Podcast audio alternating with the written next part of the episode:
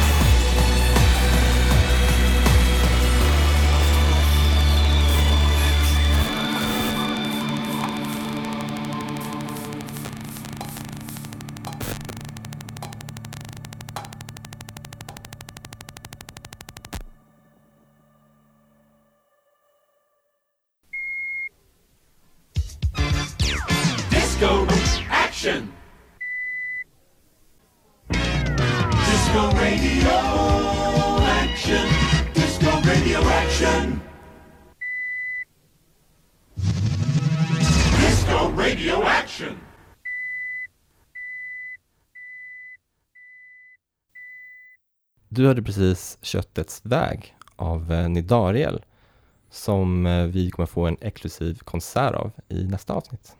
Ja. Och vi som sitter här idag och eh, lotsar er igenom programmet, vi heter Viktor och Pedram.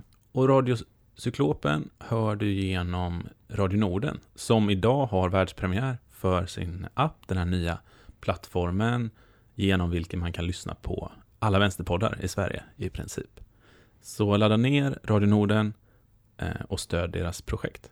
Pedram, vad, vad, vad består Radiocyklopen av? Hur kommer det se ut?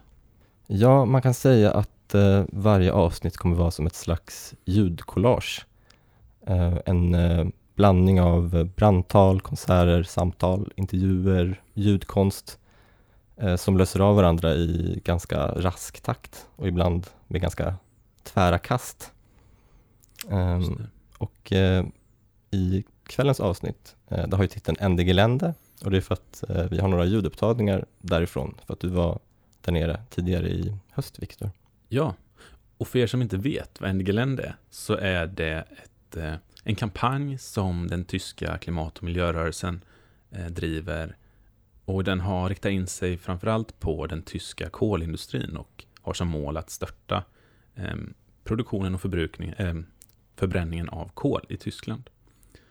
Det var en aktion i höstas. Jag var där och gjorde två intervjuer med mina vänner Phoebe och Fricky som ni kommer få lyssna på nu. Och däremellan kommer ni få lyssna på ett ljudkonstverk av Kat Hernandez. Okej, då kör vi.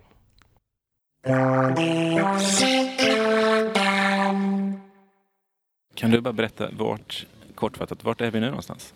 Så nu sitter vi på ett tåg på väg från Bonn till gruvan på Ende Gelände. Vi eh, kommer vara här i kanske 40 minuter till. Hur kommer det sig att du har åkt eh, på, på den här aktionen? För att jag tycker att det är en väldigt rolig grej att göra. Det känns också som ett eh, bra sätt att komma igång med aktivismen igen efter min lilla dipp med corona. Bra kick-off. Det känns också viktigt att stödja den här kampen. Hur, eh, du sysslar ju med klimatkamp hemma också. Är du, hur, alltså hur organiserar man sig om man håller på med klimatfrågan i Sverige? Eh, Man kan engagera sig i eh, små autonoma grupper om man känner för det. Och det har jag valt att göra. Och det är vi också tillsammans som åkt ner hit. Eh, Men det finns ju också större som håller på på andra sätt. Om du tänker på, det här tar ju ganska mycket tid att åka hit och sen är man aktiv hemma också. Hur känner du att du, hur förhåller du till den här rollen som aktivist? Alltså hur får du ihop livet med det? Alltså vad gör du vid sidan av och hur, hur hinner du åka på sådana här saker?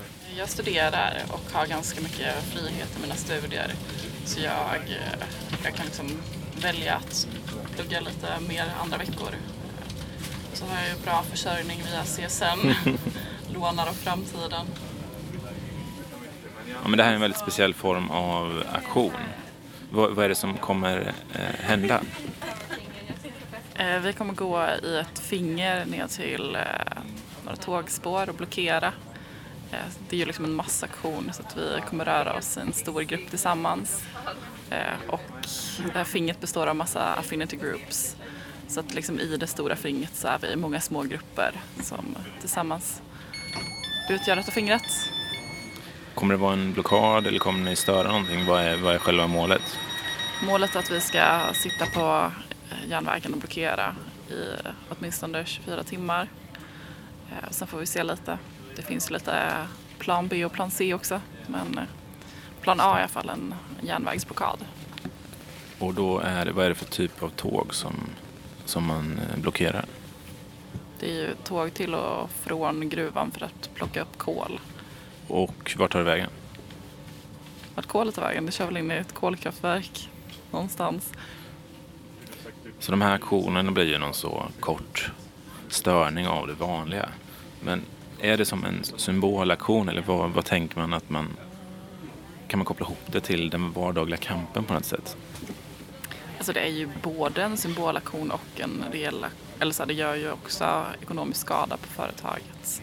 Eh, jag tror de säger att om man blockerar i 24 timmar ungefär så, så börjar, liksom, då börjar deras lager av kol ta slut. Eh, så att liksom för kampen så är det ju mycket en symbolaktion och samla liksom kunskap från stora delar av Europa. I detta fallet lite mindre delar av Europa på grund av corona. Men så liksom både det kunskapsutbytet men också att göra rejäl skada. Look with your ears. Violet, indigo, blue, green, yellow,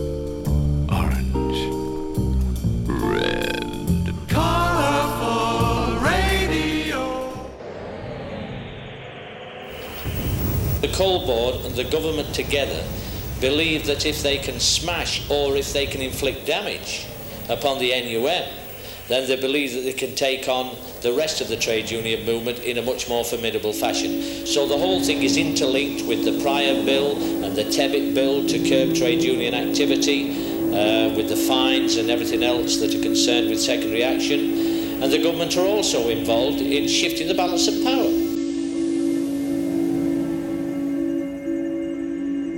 They were elected to uh, shift the balance of power away from working class people and the families towards the employing class.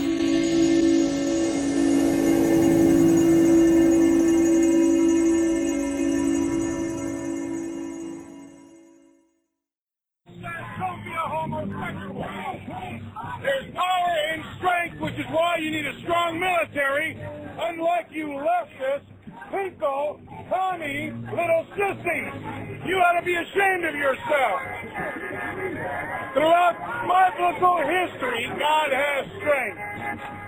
This isn't Berkeley. This is uh, Boston. Try to grow up and learn the God of the Bible.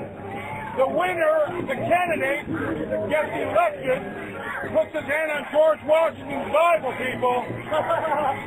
Nothing complicated here. You need a strong military like you need a strong police department. Without a strong police department, you have thugs running all over. That's it. You don't have a clue what oppression is. You live in America, you ingrate. You live in America. You don't have a clue one on what oppression is.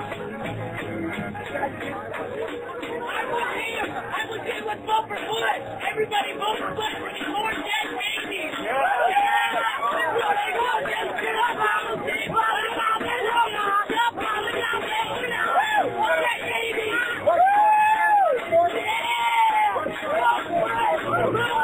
Oh, I thought you're not even going to vote anyway.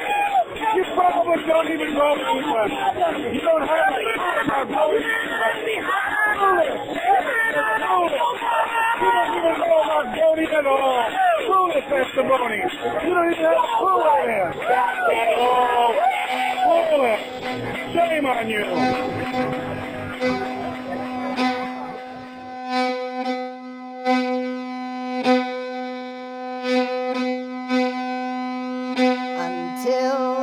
Philosophy which holds one race superior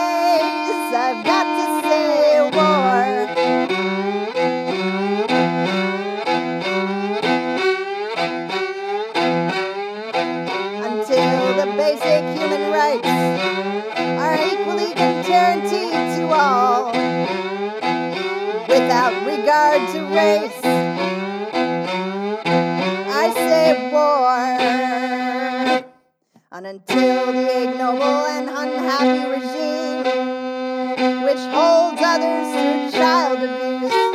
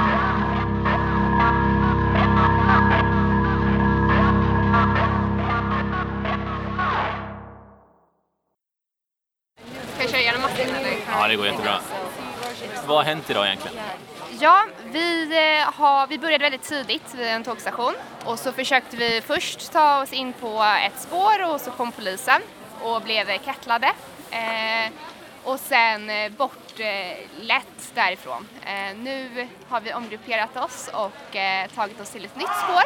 Ehm, där vi nu sitter på spåren med polisen. Eh, så vi har lyckats.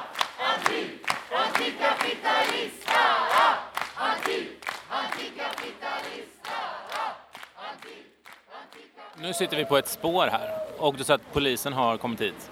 Ja, eh, de står precis bakom oss. Eh, Jag tittar en i ögonen just nu. Eh, Men vi har väldigt skön stämning tycker jag, så det är väldigt eh, behagligt ändå. För vi har lyckats. Just det. Eh, hur kommer det sig att du åkte? Har du åkt på det här innan och eh, hur kommer det sig att du åkte idag? Eller i år? Eh, Jag har varit med en gång innan. Eh, Jag var med i november förra året. Eh, och jag är här nu lite för att jag tycker att det här är ett väldigt hållbart engagemang för mig. Um, om man ska liksom engagera sig i klimatfrågan så är det ju ganska nice att kunna göra det när man också tar semester och tycker att det är lite kul med sina kompisar. Uh, och sen så känns det ju som att man gör ganska eh, fysisk skillnad på något sätt annat än att och liksom sitta och dela Facebook-inlägg och sånt. Det här är ju väldigt eh, påtagligt på ett annat sätt och det, det, det känns väl bättre eh, personligt i alla fall. Ehm, eh, hur, du, du är inne på det, det här med organisering för klimatfrågan. Eh, är du organiserad på något sätt på hemmaplan eller är det det här som är din eh, arena för klimatkamp? Jag skulle inte säga att jag är organiserad eh, längre i någon organisation, eh, så det här är nog mitt sätt att, vara en aktivist på. Däremot så är det här någonting som är väldigt aktuellt i mina vänskapskretsar och vi pratar om det här att organisera och åka ner på de här resorna.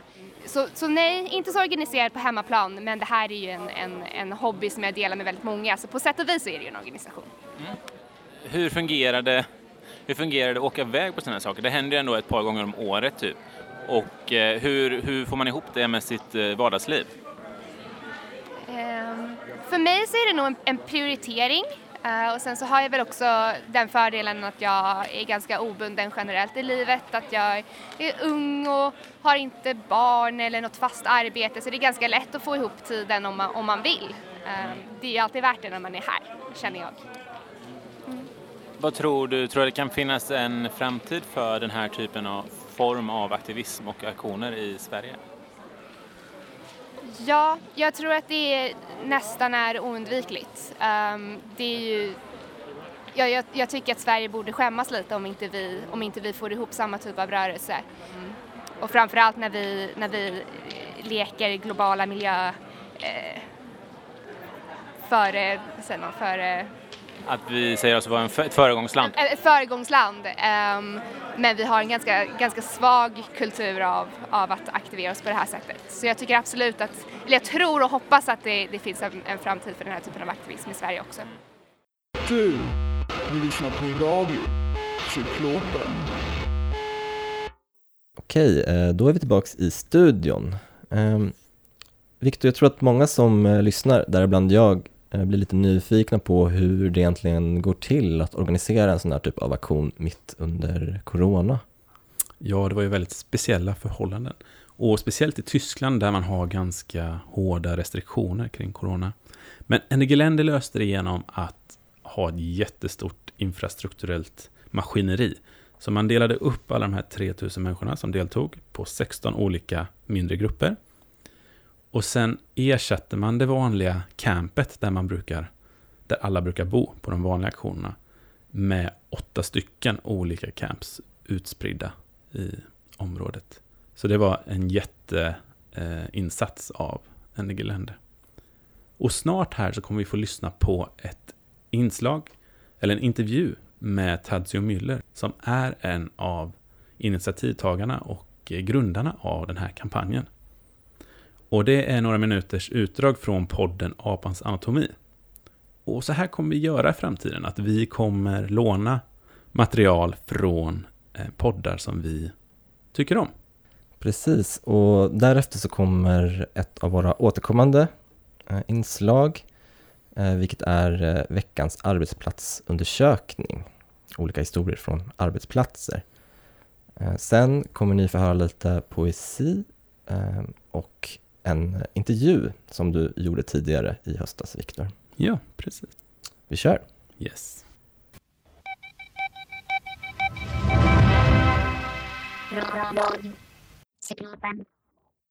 2014 så märkte vi, okej, Paris klimattoppmöte COP21, COP21.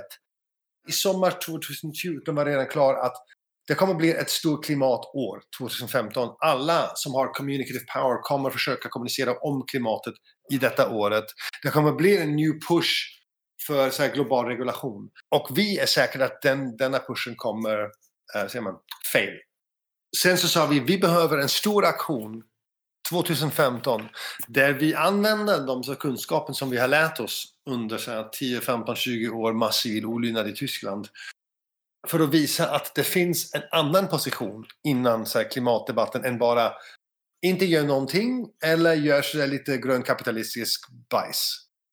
Mer, ja, så ungefär. Att det finns en radikal position som säger nej, vi måste stänga ner smutsiga industrisektorer som kol och andra. Men vi har först fokuserat på energisektorn. Och så organiserade vi första endelande aktion i sommar 2015. Det var lite en av de så här underdetermined moments in history. Det skulle jättelätt inte ha funkat. Det, alltså, det fanns tre, fyra situationer där det verkade så att we're not gonna get into the pit. Så tanken var att ha en så här väl så, sort of visible, attractive blockade av en så här kolgruv. Eh, och om ni inte har sett en tysk, eller en så här brunkolgruv, men kolla på, på Google. De, de säger, jag är absolut ingen så här emfatisk ekolog. Jag, faktiskt, jag, jag- är bög, I'm, I'm, a, I'm a gay urban leftist bourgeois intellectual. Naturen är så här, ja men den är någon, någon annanstans. Så man, man, man, man kanske åker dit på semester i naturen. Men så, jag, men, så jag har ingen, inget emfatiskt naturbegrepp. Men när jag första gången såg en sån här brunkolgruv jag var tvungen att tänka jävlar, det är, det är verkligen så här en sår i naturens kropp som vi har slagit här. Så vi, hade, vi, vi, vi visste att så här, vi, vi, vi måste ha så här bilder på små människor i sina alltså vita overaller som vi hade delvis kopierat från vita overaller från globaliseringskritiska rörelsen men också från eh, antigenprotester i Tyskland och England och jag tror också Sverige som också använder dem.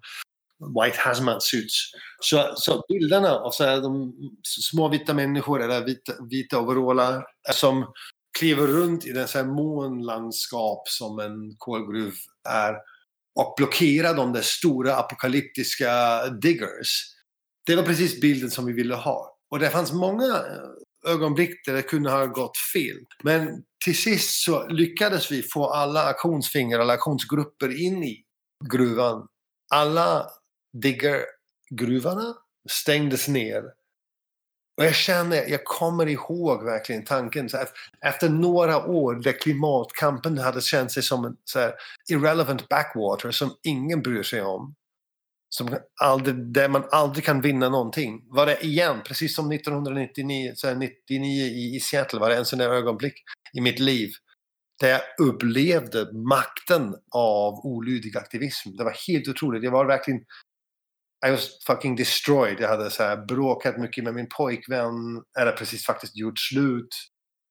Det var hemskt. Jag bara jag grät hela tiden innan aktionen. Jag bara så här, om denna aktionen misslyckas så orkar jag inte längre. Jag, jag orkar inte. Jag kommer åter så här, vänder till akademin och bara så här, blir en så här vänsterakademiker som bara skriver böcker om hur skitjävligt så här, livet är not really my style, I know, men bara så jag var, jag var, jag var verkligen så här, I was desperate. Jag hade organiserat aktioner i 10-15 år. Som alla misslyckades. Jag hade inte haft en sån här Seattle-ögonblick i 15 år.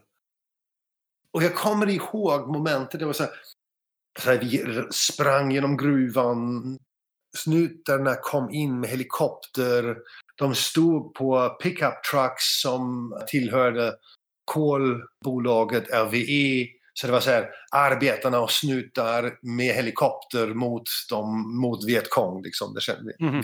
Vietkong i den här, så här para, parallell här. Och, um, så vi sprang och sprang och vi så här, försökte, vi, vi, vi, vi lyckades bryta genom två kedjor som de hade byggt upp. Men sista kedjan som, som snutar och arbetarna gjorde framför diggern kunde vi inte bryta igenom och vi bara så var på väg dit. Och jag kände den så här känslan av, av hopplöshet. Så jag kommer upp igen. Och sen märkte jag plötsligt att vi var ju i själva gruvan. Alla digger var redan stängda. Och vi var inte, vi, vi, we didn't even have to break through that last line. Och verkligen känslan, och jag berättade allt, allt på samma sätt. Känslan var då, alltså jag, jag tittade upp på så gruvkanten som var 15, 50 meter över oss. Alla diggar var stängda. Och alltså jag började ropa så Guys, we can stop. We have won. We have won. Så jag, började, jag började nästan gråta nu. Det var så starkt. Alltså, we have won, we have won. And, och så här, det kändes så som att it, it felt like touching a battery full of pure life. Mm. And so, so, and as I tell it now, I have tears in my eyes. För det var en av de starkaste ögonblick i mitt hela liv. Och, ehm, ja, och så, då började så här, den första heroiska fasen av klimatrörelsen, skulle jag säga. Som, det var lite mer tysk fas än i, än i många andra länder, men så här, i in like the slipstream av Enderländer, I mean, det, här, det, det blev klimatläger och Enderländer-style-aktioner i, i eh, Tjeckiska republiken, i Polen. Folk inspirerades i Storbritannien, i andra länder. Så, och det kändes verkligen så att Enderländer reignited that sense av, som vi hade i, i globaliseringskritiska rörelsen. Så en massolydnad kan verkligen förändra saker och ting.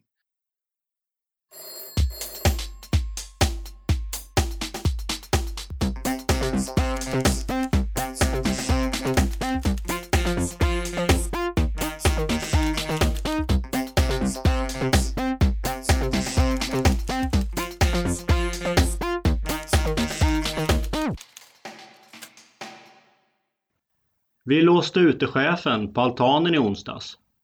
Hon hade just hållit ett infomöte om en indragen tjänst på 75% Rätt dum grej att göra just nu till ett gäng redan uppeldade kommunalare.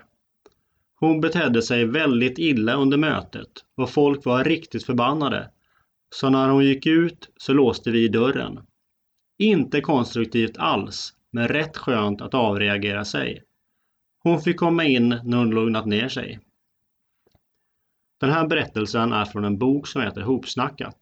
Hopsnackat är en antologi som innehåller 35 berättelser av anonyma författare från 25 olika arbetsplatser. Redaktör är Frances Tulloscorpi. Boken är den första i en serie böcker på tema Folkrörelse på arbetsplatsen.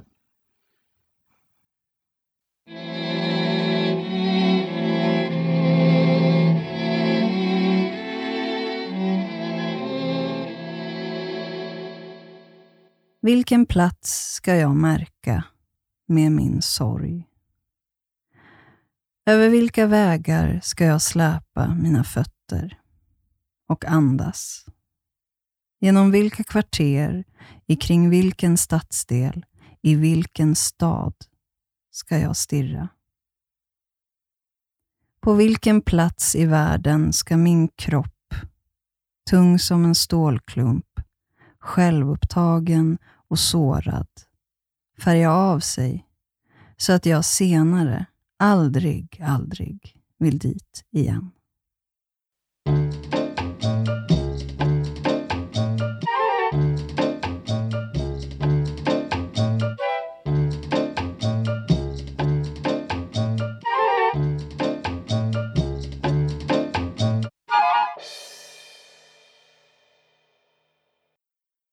My name is Lais. I'm an architect. I'm doing a PhD in geography. It's about protests. And I'm also part of an association. It calls Architects Without Frontiers. And we work um, as technical support to activisms in Belo Horizonte city and um, from all the state, but mostly from the city. Uh, my name is Thiago Cicero. I'm also an architect, and I'm doing my PhD in architecture uh, in my university back in Brazil, in Belo Horizonte. Currently, my research is about land conflicts in Brazil, some historical land conflicts that we had during the 20th century. But before, I already work with um, kind of technical assistance from some urban occupations and some squatters in our city. Okay. So you're both interested in the uh, different social struggles within the cities. Can you just give me like a brief introduction in what kinds of struggles are uh, the most frequent? So since the, I think since since 2009, we have the a very strong um, occupation uh, movements.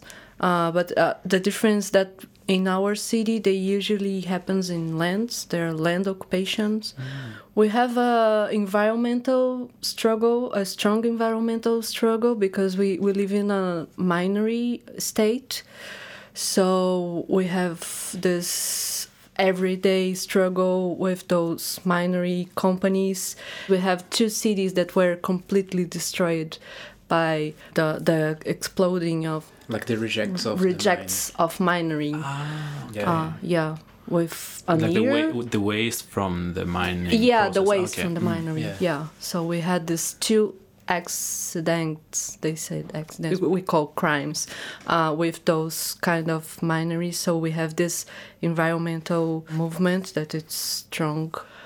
And right now in Brazil, we have also this very complicated government. So we have people trying to resist against this government. Yeah, I think that's the stronger that we have right now.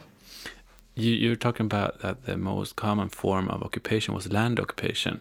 Uh-huh. Can you just like picture how how does that look? I mean, in what what forms does that take? Uh, actually, they're they're urban occupations, but uh, in empty spaces within the city. We we have very old history of uh, occupations from the 80s, but that uh, transformed in other ways of, of struggle, of housing struggle. But then in the 2009, when when they started again, they realized that the way of living of the people were different. It was not about having a house. It's also about having the land, you know. So, uh, for for doing the gardens or the way uh, the, the the type of working of the people, because it's not uh, usually the the house. It's also the place of to work to produce it's not Mm. just to reproduce it's a, it's a place to production so when you have an apartment it's not enough to the way of living that the people that are occupying had so they they realize that it will be better to occupy land but they are inside the city. They're like in the Mm. fringe of the city. They're urban occupations but with land Yeah, I think one of the one of the things was uh, the social movement started to realize that it was like easier to occupy Mm. this kind of empty lots than actually occupy like the empty buildings because uh, like the construction uh, companies they have I think much more influence like political ones Mm. through the politicians in our city, the municipality. And so it was easy actually, and included like some kind of uh, juridical process, gonna be very slowly. So for the people that start to occupy, it's I think what a, I don't know more helpful. Uh, that is just start like with tents first, and then it's like start to build in uh, in ceramics and bricks. And I think And- also in terms of uh, security, right? It's easier to resist in a land than in a building. Yes. In the city. So. in the middle of the central yeah Oh.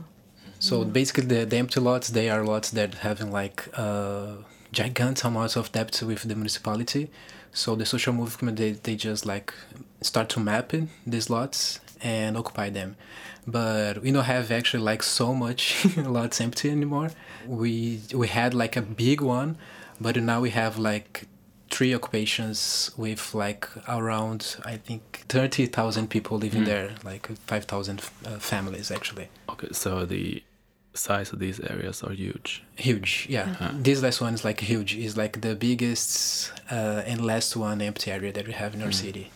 it feels like an area impossible to evict pretty much because it's so many people and such a huge area. Mm. Yeah. Yeah. And whatever like attempted to do that wouldn't be like a disastrous. Mm. It's too many people to to do something like Mm. uh, Of course. that it would be like violent of course to do that. And are these these occupations are they for uh, the right of having somewhere to stay? Is it like part of an environmental struggle, or is it like are they connected or? They're uh, primary for housing purpose, but one thing that the housing movement realized was that when you, you respect the environment, it's more difficult to get evicted. It's very easy to the government to evict when you have uh, environmental crime if you're Mm. poor, Mm, because if mm, you're a, a minority, It doesn't matter, yeah. It doesn't matter. but so uh, they started to realize that it's important. Uh, so I think it started more in a strategical way, but then I think that it's not just strategical anymore. So now they, they say that okay, our way of living it's better for the environment than I don't know building massive buildings and uh, cars and and etc. So right now it's part of the I think the discourse, but it started as a strategical way. And I think that's good for like the public opinion too, Mhm. because some of the occu- these occupations they are seen now as like uh, protected with some parts of uh, forests Mm. or like even like rivers.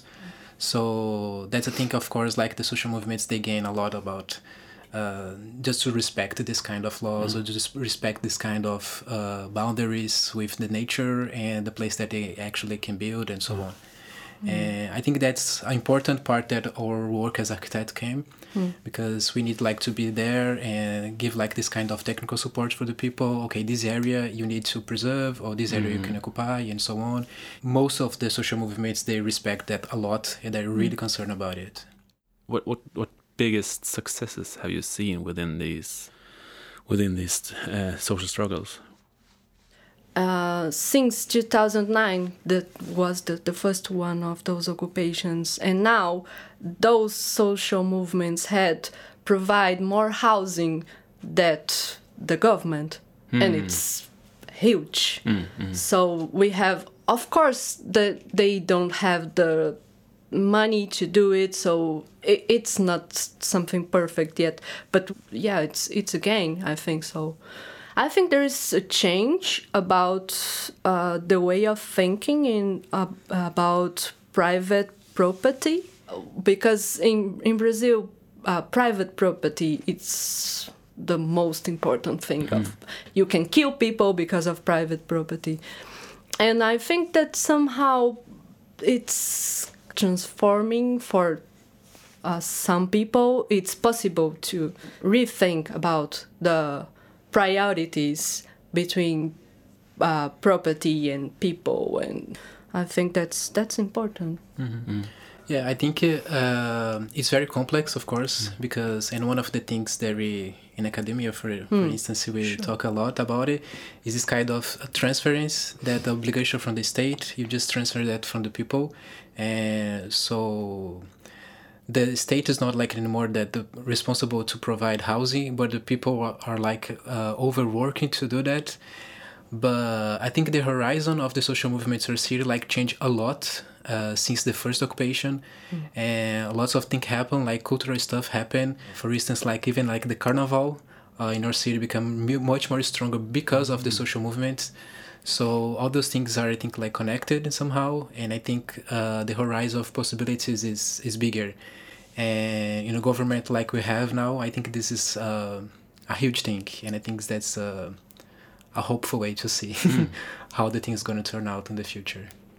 Yeah, and I think that somehow uh, it's horrible what we're living now, but somehow it, it was kind of a preparation f- of that. In the 2000s, for example, what we had about social movements was almost nothing because they're all in state Mm. and they're all in other kind of activities.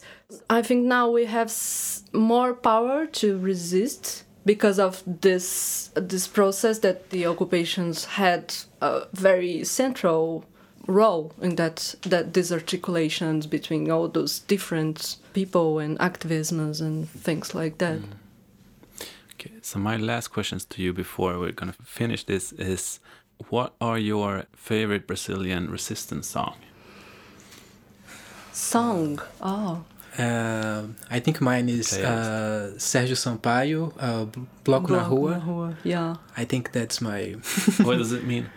Um, yeah, Bloco in Carnival is like a group of musicians, but also people that follow this group through the streets. And but during the song is also you put yourself and your body in the streets and enjoy life. At the same time, you are like a resistant political force because of that. So just enjoy yourself. I think, Great.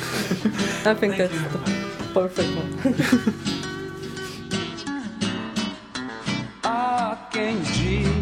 que eu dormi de toca, que eu perdi a boca, que eu fugi da briga, que eu caí do galho e que não vi saída, que eu morri de medo quando o pau quebrou. Há quem diga que eu não sei de nada que eu não sou de nada não peço desculpas, que eu não tenho culpa, mas que eu dei bobeira e que Durango Kid quase me pegou.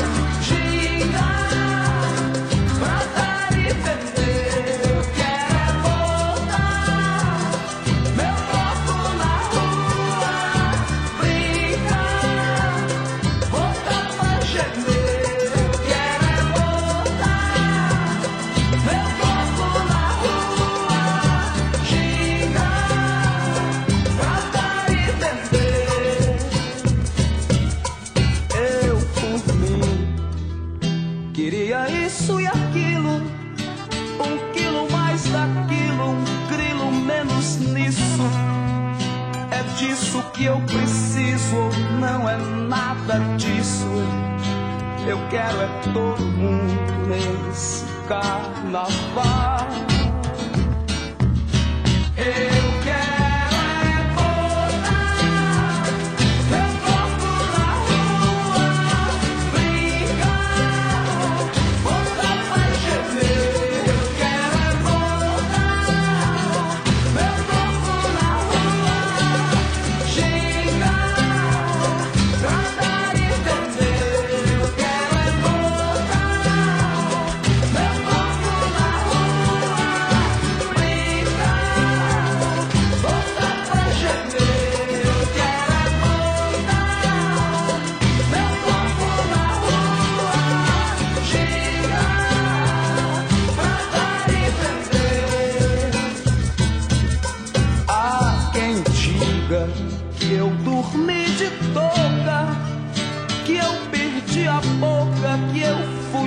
da briga, que eu caí do galho e que não vi saída, que eu morri de medo quando o pau quebrou. Há quem diga que eu não sei de nada, que eu não sou de nada e não peço desculpas, que eu não tenho culpa, mas que eu dei bobeira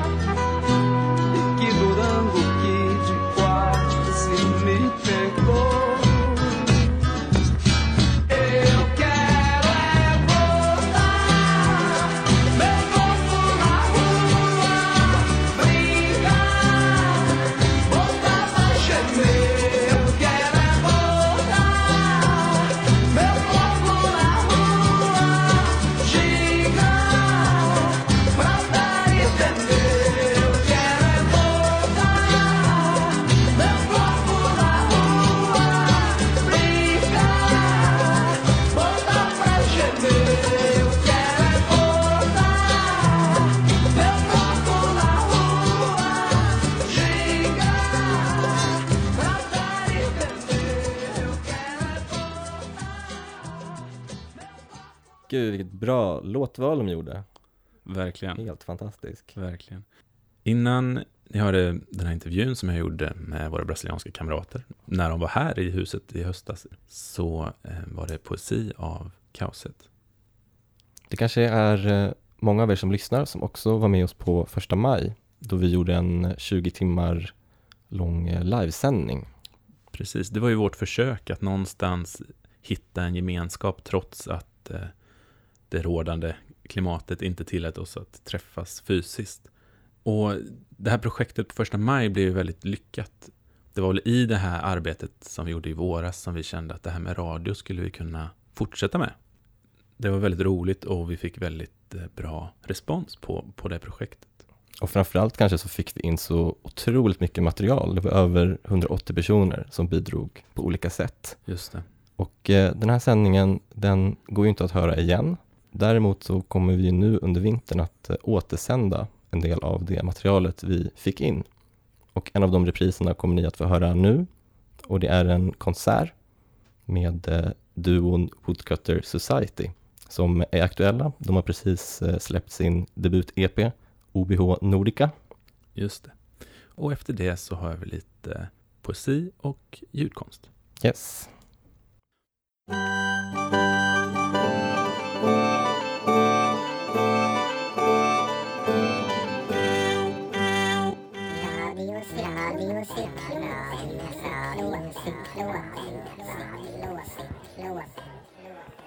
Hello? Hello? Can you shut up? Can everyone shut up, please? Hey! Hey, sh- shut the fuck up! So, hello everyone who's listening out there. I hope uh, everyone is having a good day, and we are a Woodcutter Society, and we're gonna play a couple songs for you today from our forthcoming uh, EP that's coming out anytime now. We just uh, received the masters, and you know everything is looking good. Uh, so let's put put our hands together in prayer and hope that it gets released soon because it's about time. But before we do uh, get to the music, I'd like to share with you a couple words. Um, first off, uh, what's awaiting us? Hmm? At first glance, the world is round and roses are red. One second later, and the world is turned upside its head. At my local McDonald's, they serve you the food right at the table, like a real restaurant, you know? And it doesn't, they, they don't even charge you for it, it's for free. I don't know how they make that add up, but they literally bring you your McFeast, Big Mac, whatever you ordered, right to the table. And the thing that gets me is one day I'm gonna tell my grandchildren about the times before. And I don't think they will believe me when I tell them that we all used to walk up to the counter and order the food and pay with coins and bills and maybe a check um, at the counter, you know, like um, a human being. Now instead we got TV screens. And they are, let me tell you, getting grosser by the second. Everyone coming in all day with like, who knows where they been, you know, having their hands, you know, and then they come there and start to touch the screen and like, oh, maybe I will have French fries today.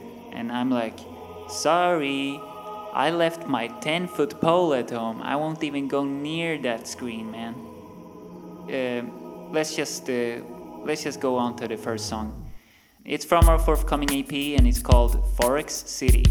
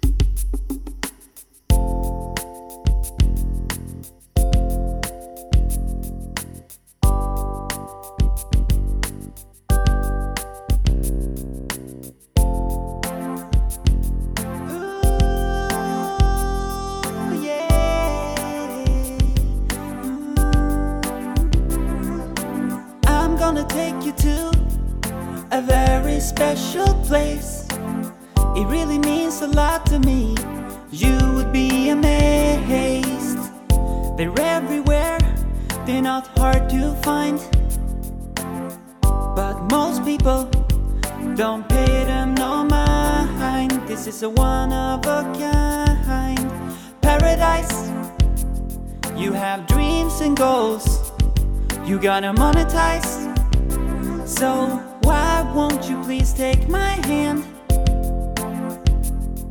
And I'll show you the way to my beautiful wonderland. I'm talking about the bank. You feel me? I'm at the bank.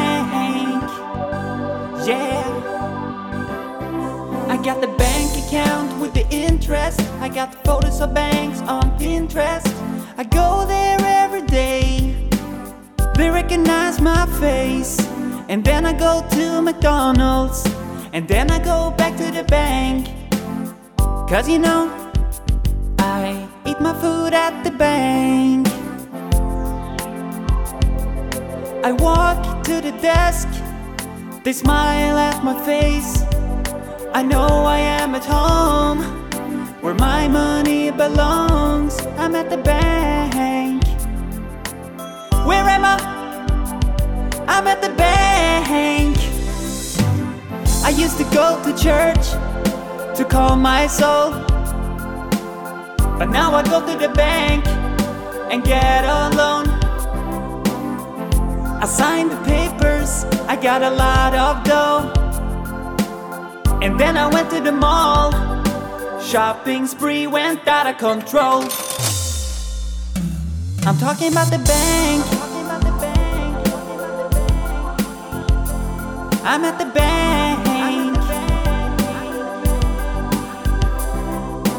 Bank. I'm at the bank. I'm at the bank. I'm at the bank. I'm at the bank. I'm at the bank.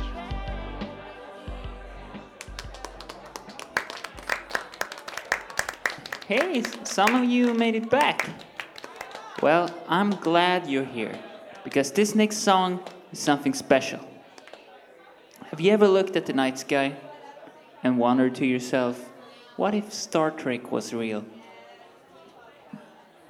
To be honest, I wouldn't want to be stuck on a spaceship all the time. But it would be cool to see other planets, experience different weather, you know? Try new food, for example. But if aliens are out there, imagine all the things they're missing out on. All the movies, Fight Club, you know? Um Garden State, uh, you know, Bob Dylan, music. Maybe they have their own uh, music. Maybe it sounds like, maybe it sounds like this actually. Uh, this next song is called Terraform Mars. Drop the beat, please.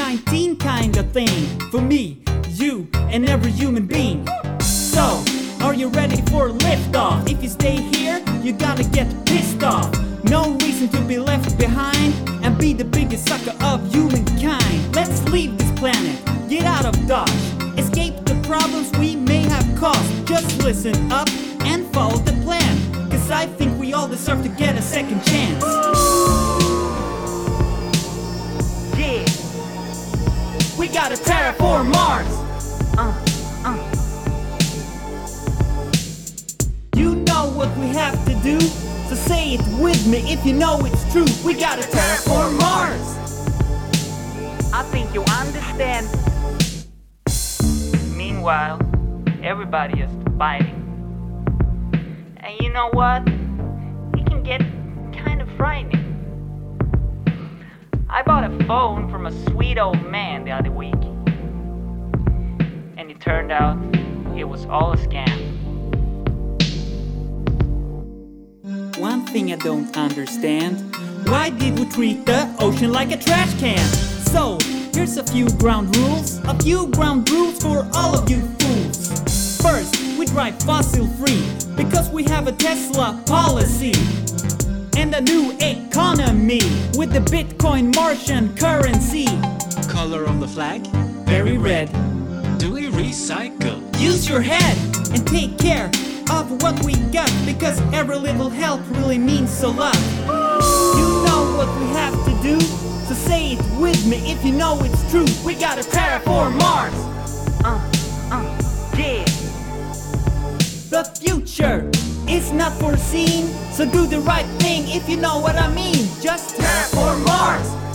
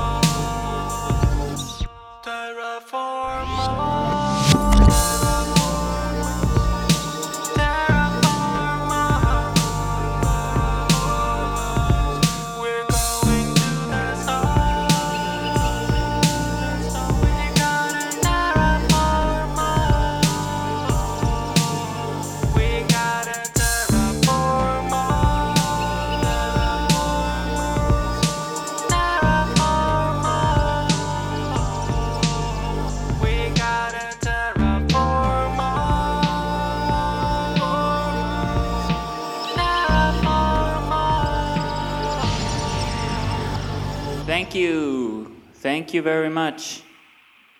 This next song will be our last, but before we go, we just want to say that we wish you a very, very nice 1st of May. Pretty soon the summer will be here and we can go swim in the sea, maybe go out fishing, you know, get tanned, you know, bicycle rides, um, all that good stuff, eat food everywhere. But, you know, the thing I'm looking forward to most is going swimming in the sea, you know, where we all came from. We're, we're amphibians. People forget that sometimes. Land and water. Uh, so we should all go swim with uh, our uh, fish brother and sisters. This song is called Fish, and we've been Woodcutter Society, and we hope to see you next time. Enjoy. Yo, this is a woodcut society. And there might not be some wood down in the ocean, down in the sea, but just something else, you know? Yeah, that's right. Fish. Fish all around. And we love them. We love the fish.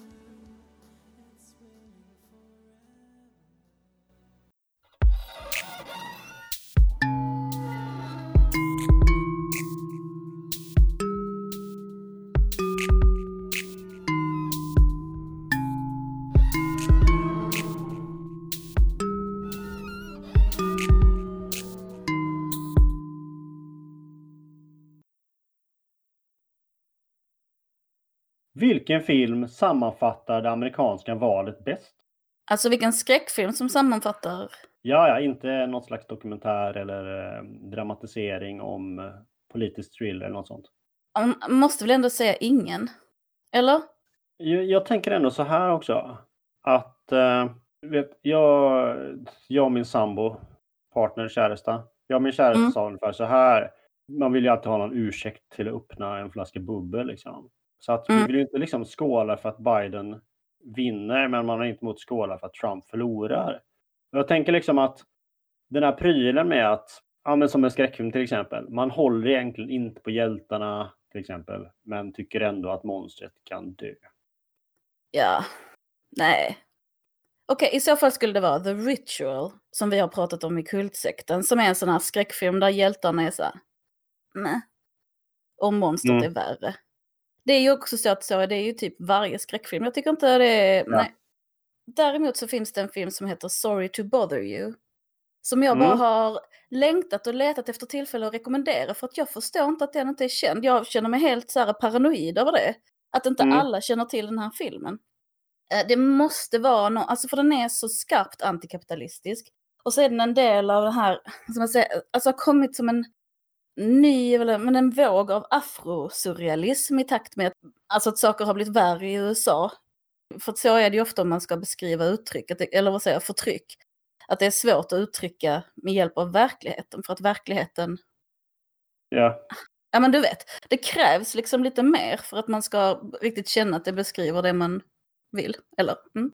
Mm. Eh, och Sorry to bother you är, den beskrivs som en fantasyfilm på många ställen, men det kan man ju inte, det tycker jag absolut inte att man kan säga. Snarare tycker jag den är närmare skräck i så fall. Skräckkomedi. Eh, Det är många som säger att den är en dystopi lite grann, men då känner jag att då har man inte jobbat som telefonförsäljare, för det där är typ dokumentärt. Alltså, jag önskar jag hade Ja, haft så trevliga ja. chefer. Ja. Eh, och den är gjord av Boots Riley och den kom 2018 och den heter Sorry to bother you. Den kanske vi skulle se då också. Ja, det tycker jag. Och den beskrivs Mm. också som, av The Guardian så beskrivs den som anarkistisk satir. Mm. Med fantasy och skräckinslag. Alltså helt ärligt, det kan inte bli bättre. Mm, Den är mm. helt underbart bra. Och sen så är det en snubbe som heter Lakeith Lee Stanfield som spelar huvudrollen. Han är också med i eh, Atlanta med Donald Glover, den serien, som också är som en del av den här afrosurrealismen. Båda skitbra. Men Mm. han, eh, Lakeith Lee Stanfield, Ah, jag älskar honom. Han är så jävla bra. Han har en sån här, liksom, laid, alltså, människor som kan spela laid back i paniksituationer. Så att det inte Mm. kän, det känns liksom inte som att han är apatisk. Utan att det känns bara som att han är så jävla, alltså du vet, vad ska man säga? Någonting du, men ja. Alltså Jag någonting, får se, helt enkelt. ja du får se. Alla måste Ja. se, alla måste se Sorry to bother you. Och jag vill Mm. berätta mer, jag vill spoila den, man kan ju inte spoila den, men jag vill spoila den. Nej. Ah, den är Ja. väldigt kri kritisk till vithet är den. Och Ja. så rolig. Asrolig. okej. På alla sätt. Åh! Mm. All right, Ja, right. jag kan, inte, jag kan inte säga mer utan att förstöra. Se den, se den, se den. Ja. Okej, tack.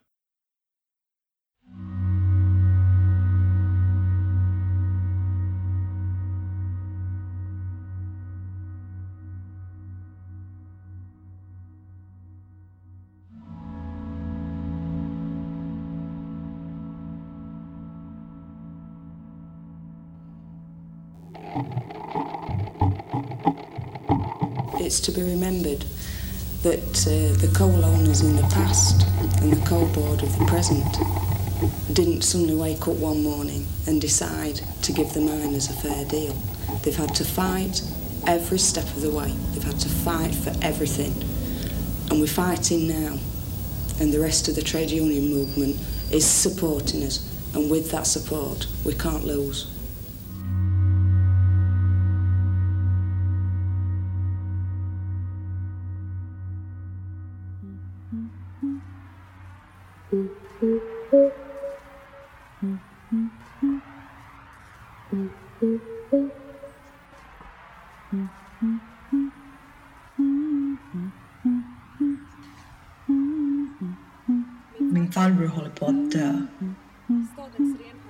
Stadens renhållningsverk tog i alla fall emot en trasig man efter kriget. Det är ingenting att skryta med, det är att man plockar andras skräp. Bättre är väl det än koncentrationsläger man tas till av sin granne. Missförstånd är vad det hela måste ha varit då, det hör man ofta nu. Ett sorts konfusionstillstånd för en hel befolkning, ett delirium. Han har dille på biodling och vindruvsfermentering men det är bara lokal patriotism. Min farbror håller på att dö. Det gör min mormor med. Jag vet inte vad fan min pappas grej är men min farbror håller på att dö och jag sitter och dricker vin som han gör. Och jag sitter och röker och dricker som han. Och jag åker omkring och dricker och röker och lyssnar på musik. Jag dricker, röker och lyssnar på musik och jag dansar ibland men min farbror håller på att dö och det tänker jag inte på för mycket förrän sommaren kommer och jag råkar träffa honom eller inte.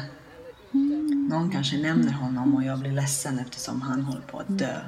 Men jag fortsätter med mitt och vad fan skulle jag annars göra för jag kommer också att dö och någon kommer att dricka och någon kommer att sitta och dricka och röka och någon kommer att dricka och röka och lyssna på musik, dansa ibland. Och jag kommer att dö, men han kommer att dö först.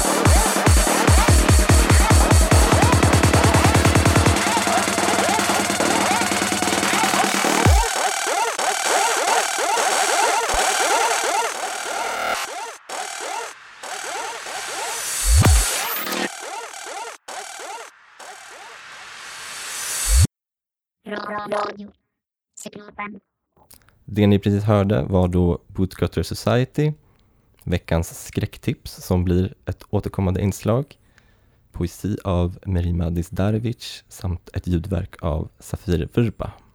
Eh, Viktor, vi sitter ju då i eh, en studio som inte riktigt är en studio i vanliga fall, eller Nej, hur? precis. Vi har tillfälligt byggt upp, eller vi kommer fortsätta bygga upp en studio i vårt bibliotek här på Cyklopen.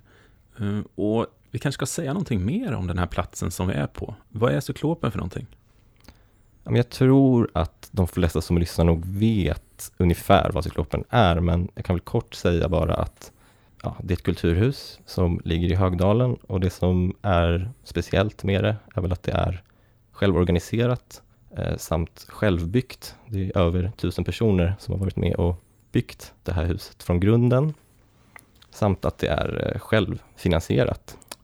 Precis, så om ni vill vara med och stötta huset och vår verksamhet och det vi planerar att göra framöver så får ni jättegärna bli stödmedlemmar i huset därför att det är vi själva som betalar för allting som händer och som eh, kommer hända i huset. Och stödmedlem blir man genom att gå in på vår hemsida, cyklopen.se och klicka sig fram till stödmedlemskap. Och vi vill också skicka ut ett stort tack till alla som har blivit stödmedlemmar under den här pandemin när vi har behövt det som mest och för all den solidariteten folk har visat med oss. Verkligen. Tusen, tusen tack. Då börjar det bli dags för oss att eh, runda av, eller i alla fall för oss två att runda av. Men vi har ju fortfarande ett block kvar att spela för er där hemma. Precis. Och det ni kommer få höra innan vi säger eh, adjö är en eh, krönika om pandemipolitik av läkaren Roja Hakimnia. Några droppar av Roberto N. Peire. Poesi av Helgen Rådberg. Och eh, sist ut blir det världspremiär för en låt av eh, Bulgarian Goddess och Eurodike från kollektivet Konstspirationen. Och det här är alltså en osläppt låt, exklusivt för oss och den heter Tenderness in Music. Så med det sagt så vill vi tacka för oss, för det här första premiäravsnittet som lider mot sitt slut. Vi hoppas att ni lyssnar på Radiocyklopen igen nästa vecka. Ni kan höra direktsändningen klockan åtta på fredag, antingen via vår hemsida, cyklopen.se, eller via den fantastiska appen Radio Norden. Och om ni har några tankar, idéer, åsikter får ni jättegärna höra av er till oss på radio.cyklopen.se.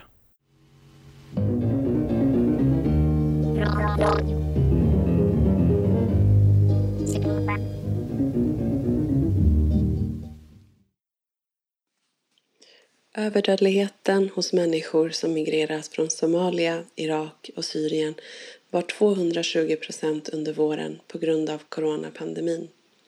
För människor födda i Sverige, Norden och övriga Europa var samma siffra 19 procent. Denna rasifierade ojämlikhet ses också till exempel i USA där dödligheten varit tre gånger högre hos svarta eller latinos jämfört med vita och i Storbritannien där minst dubbelt så många dött i corona i gruppen svarta, asiater och etniska minoriteter jämfört med vita.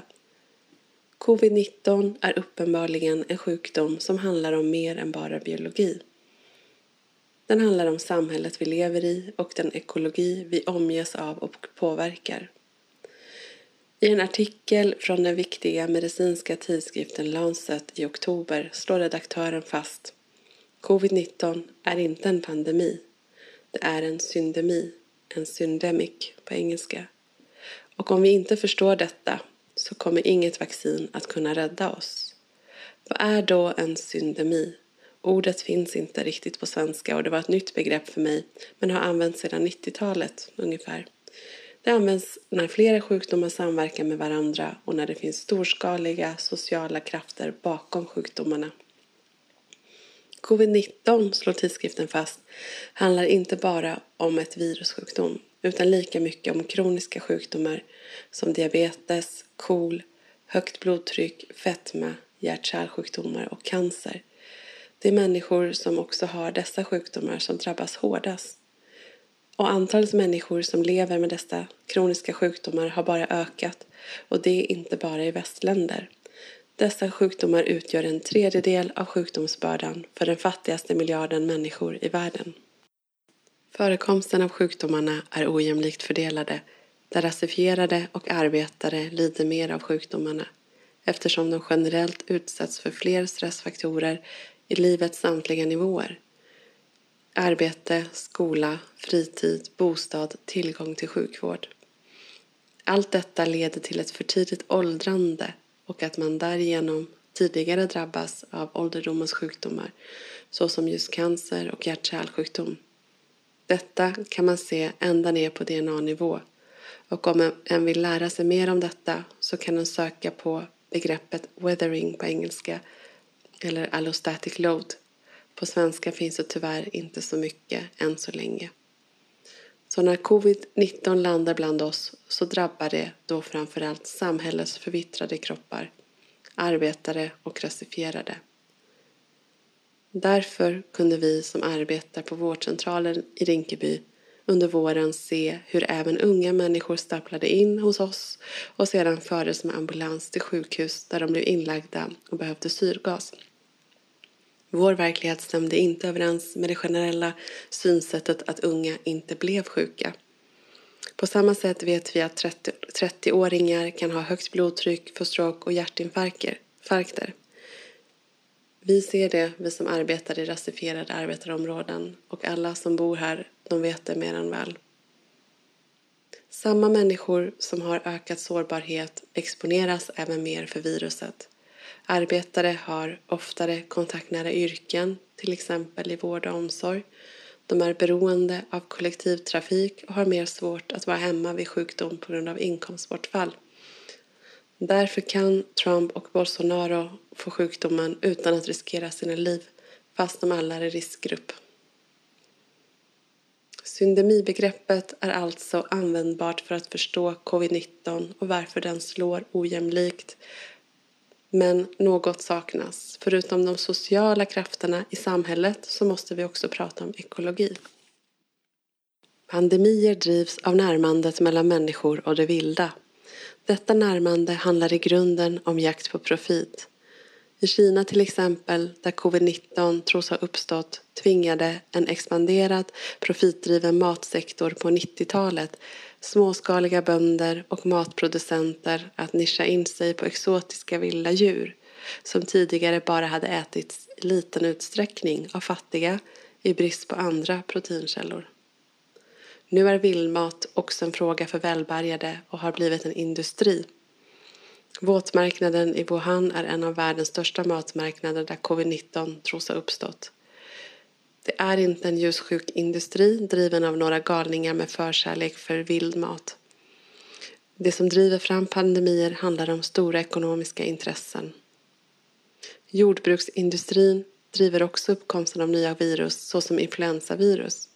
När djuren packas tätt och modifieras genetiskt för att passa våra matpreferenser och när djuren bara lever för att slaktas så selekteras de mest robusta virusen fram som kan surfa sig fram och föröka sig. Sedan hoppar de över till människor som i sin tur reser över hela världen och sprider det vidare. Dessutom får djuren massa antibiotika vilket driver antibiotikaresistensen och det faktum att vi får allt svårare att behandla farliga bakteriella infektioner. Majoriteten av infektionssjukdomarna beror på människors aktivitet, slår FN fast. Jordbruksindustrin, skogsskövling, köttätande, flygresor. Det handlar alltså om samma fenomen som också driver klimatförändringarna det handlar om en bruten relation mellan oss och naturen. En reva som är framdriven av kapitalismen. Med detta helhetsgrepp ser vi alltså covid-19 i ett allvarligare och tydligare ljus. Tidskriften Lancet slår fast covid-19 är inte alls en fråga för experter inom epidemiologi och virusforskning bara, utan det är en fråga om arbete, bostad, skola, sjukvård samt också miljö. Ser vi inte detta kan vi inte bekämpa viruset.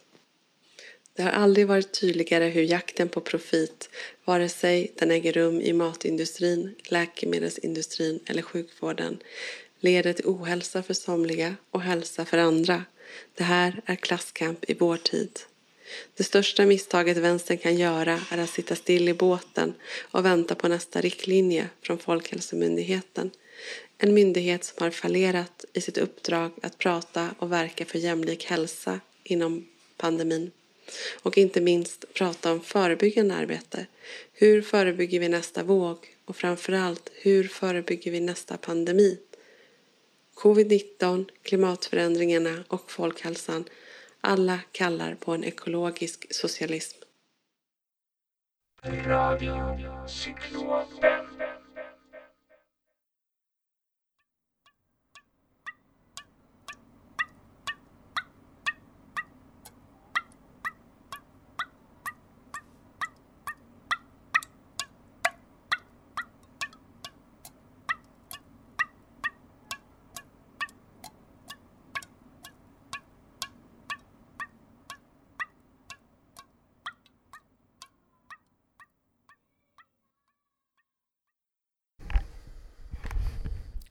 Hej!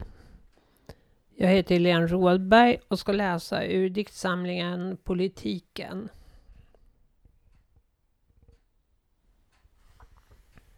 Arbetslagen brinner inne i Eva, i hennes innersta hetta, inskolad. Jag fick plats som sjukvårdsbiträde. Jag tänkte aldrig på vad det var för sorts arbete. Skiftarbete. Jag fick lön. Jag kunde flytta hemifrån.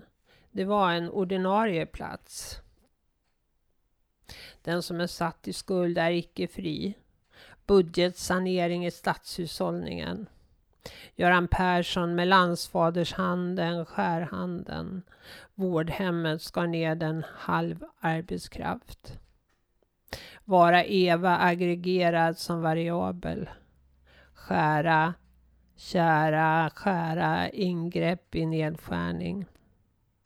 Särskilt svårt sa de, alltså politiker, att det var. Det vill säga att göra ingrepp, alltså skära i välfärdssystemen.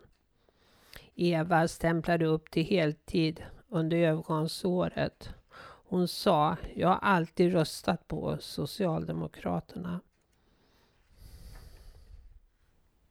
Händer som arbetar genomskär sömnrummet.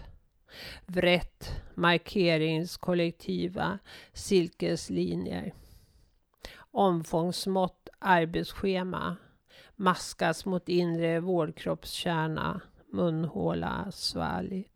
Spetsstramalj, bystinprovning i tillklippningsschema. Grovrutad Ida-väv snurrar i snurran spjälar, spjälkar i gungan i ole, motstånd i dole, djupa kant.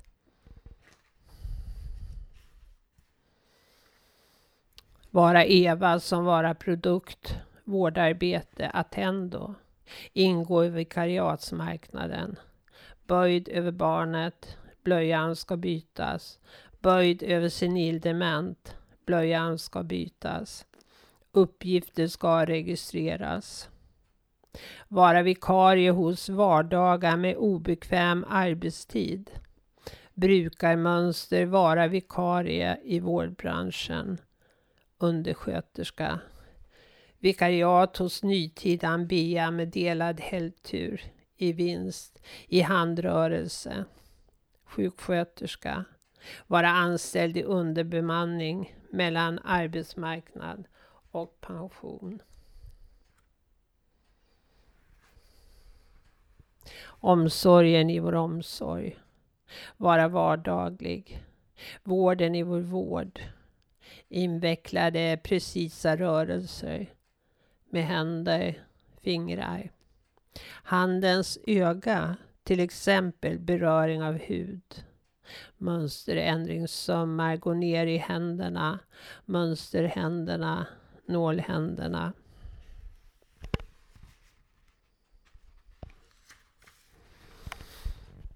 Maskinkropp. Nya insatser. Inordna den enes bröd. Kroppsvärde. Dendrit träd. Svänghjul. Profit. Stålvajrar. Det är ett märkarbete inne i maskinsystemet symptom. Årets vanligast vikarierande kvinnokontingent. Redo för stordåd bland bäcken. Tålamod, draglakan, överbeläggningar med uniform i landstingsvitt eller förtroligt sterilgrönt.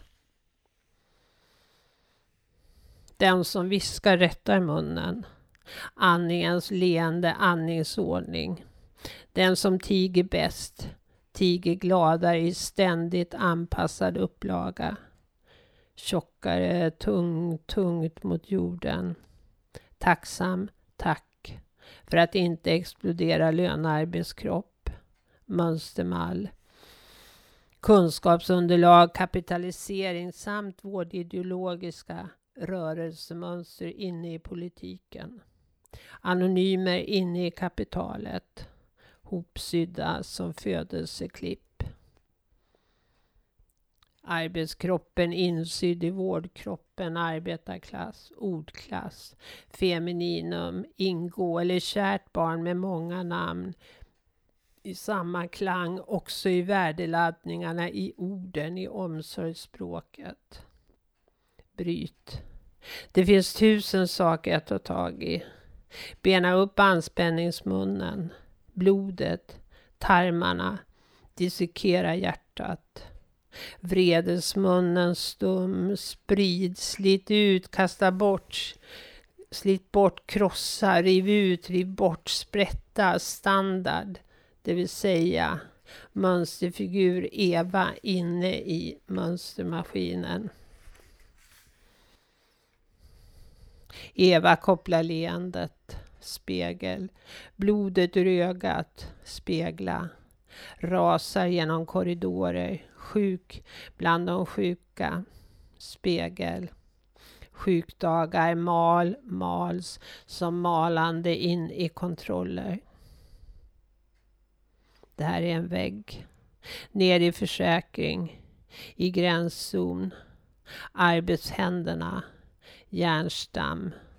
Stålsaxarna. Rita arbetslinje.